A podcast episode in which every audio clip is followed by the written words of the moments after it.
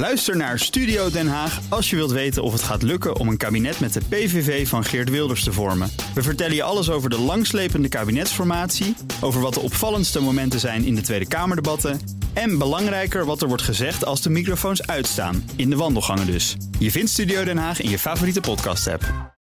Het is zes over half vijf. Goedemiddag en fijn dat je luistert.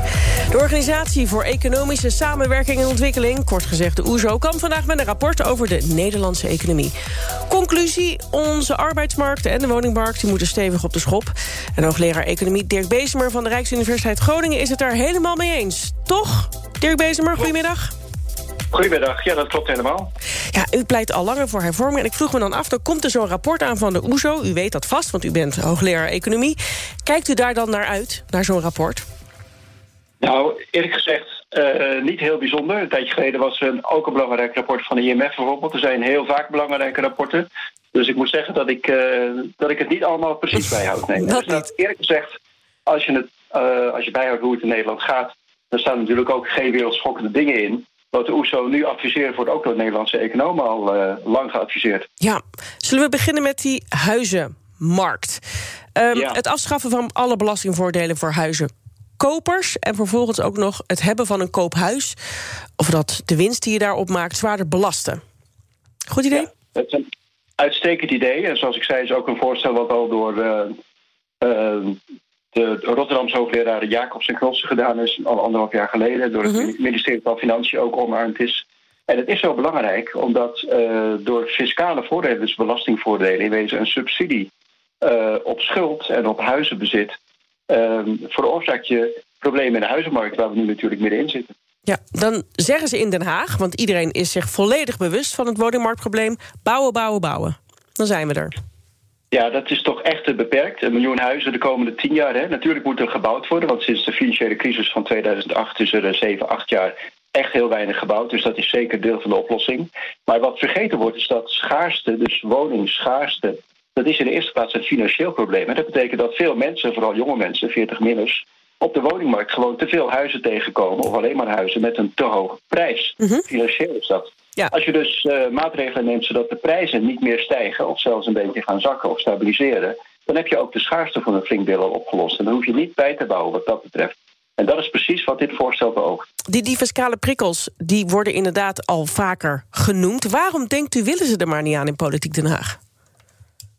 Ja, dat is mij eerlijk gezegd een raadsel. Dat moet u echt met klem aan de politici vragen... waarom ze nou niet uh, daar, daarmee aan de slag gaan. Want het is, uh, het is een duidelijk ja, het is een win-win situatie. Het is bijna een no-brainer, zou je zeggen. In het voorstel waar ik het net over had, en wat de OESO dus ook ondersteunt vandaag, um, zou je een, door het hervormen van, de, van het belastingstelsel, met het invoeren van een uh, steviger belasting op in, inkomen uit vermogen, zou je procentpunten lagere loonbelasting kunnen realiseren. Hè, zonder ja. dat de schatkist uh, iets kost. Nou, als je dat voorstelt, dan ben je toch morgen premier van Nederland. Dus dat betekent dus hè, dat, dat, dat arbeid goedkoop, dat, dat je meer gaat verdienen met arbeid. Dat is dus die, die positieve prikkel. En dat je minder verdient door niks te doen en je vermogen gewoon te laten groeien. Dat is een beetje het idee. Ja, ja als je het een beetje onvriendelijk zegt, maar dat mag in dit geval best.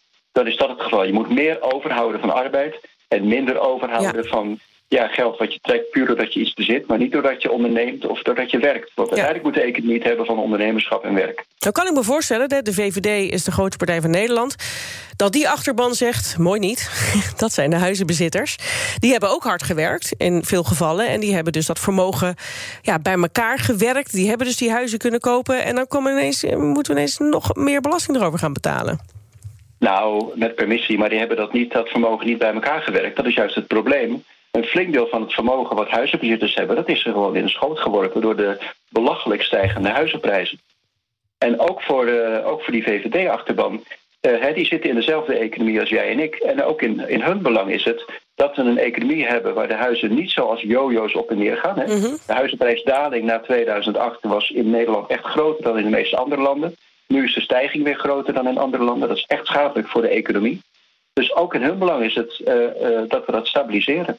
Maar u zegt wel, het is dus een hele grote hervorming, echt een stelselwijziging. Dat heeft natuurlijk tijd nodig. Wat gebeurt er dan in die paar jaar dat, dat, dat, dat, dat we dat in gang zetten? Wat gebeurt er dan met die huizenprijzen uh, en, en, en met, het, met het inkomen van mensen?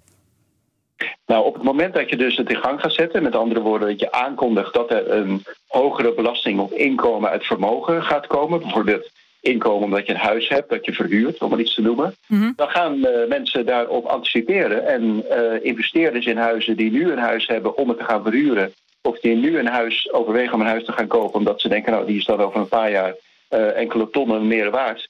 Die denken dan misschien nog eens na, denken, nou, moet ik toch maar niet doen, want dat gaat dan belast worden dan wordt het financieel niet meer uh, aantrekkelijk om een huis te kopen, puur om het te verkopen voor de winst. Hè. En dat is natuurlijk precies het speculatieve element mm wat we uit de markt willen halen. Je kunt het eigenlijk zo zien: de vraag naar huizen. Er wordt nu gezegd, er is te veel vraag naar huizen, te weinig aanbod, dus bouwen.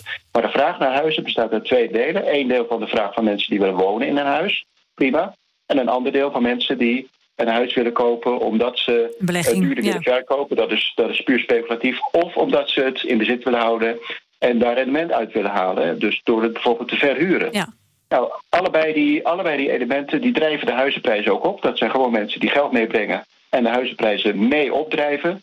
En je kunt aan allerlei maatregelen denken om dat te ontmoedigen, zodat de echte woonvraag meer ruimte krijgt en de schaarste ook voor een deel opgelost wordt. Je luistert naar Bener in de middag. Um, hoogleraar Economie Dirk Bezemer is onze gast. We praten over de plannen van uh, de OESO voor Nederland. En één ding wat mij daarin opviel, is dat ze ook nog wat hadden te zeggen over het grote aantal sociale huurwoningen in Nederland. Blijkbaar hebben wij, vergeleken met andere landen in de wereld, een enorme hoeveelheid aan die sociale huurwoningen. Zo wonen er minder mensen eh, scheef. Gaan de huren. Eh, sorry, ze, pleiten voor het terugbrengen van dat grote aantal sociale huurwoningen. Dat viel mij eigenlijk op. Wat vindt u daarvan? Want je zou zeggen, ja, dat maakt het juist betaalbaar, zo'n woning. Ja, inderdaad. En ik denk ook dat we niet zozeer in de eerste plaats moeten denken aan het terugbrengen van het aantal huurwoningen, sociale huurwoningen, maar dat we moeten kijken naar hoe het functioneert. U noemde scheefwonen al.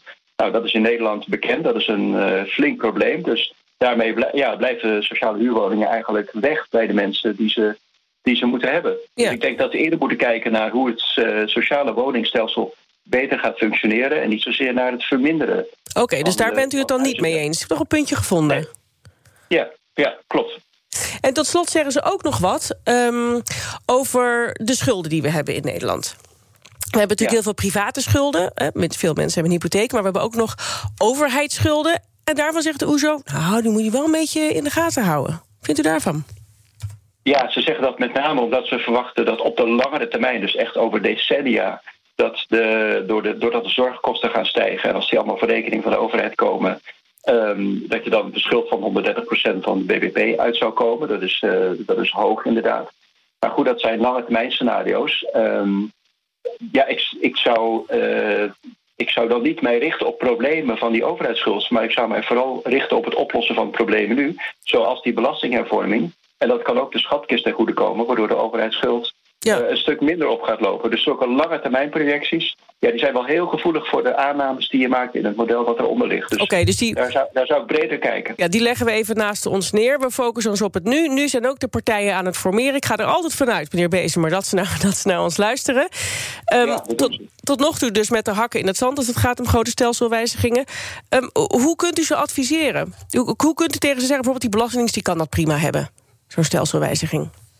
Ja, ik weet eerlijk gezegd niet uh, wat er verder nog gezegd moet worden. Zoals ik al zei, er is echt een invloedrijk rapport uh, binnen Nederland van Nederlandse vooraanstaande economen verschenen. Het IMF heeft, uh, zoals ik al zei, ik geloof nog maar een maand geleden ook een rapport ge, laten, zien laten verschijnen waarin ze zeggen de, de huizenmarkt en de schuldenmarkt in Nederland moet echt hervormd worden. Nu zegt de OESO het weer.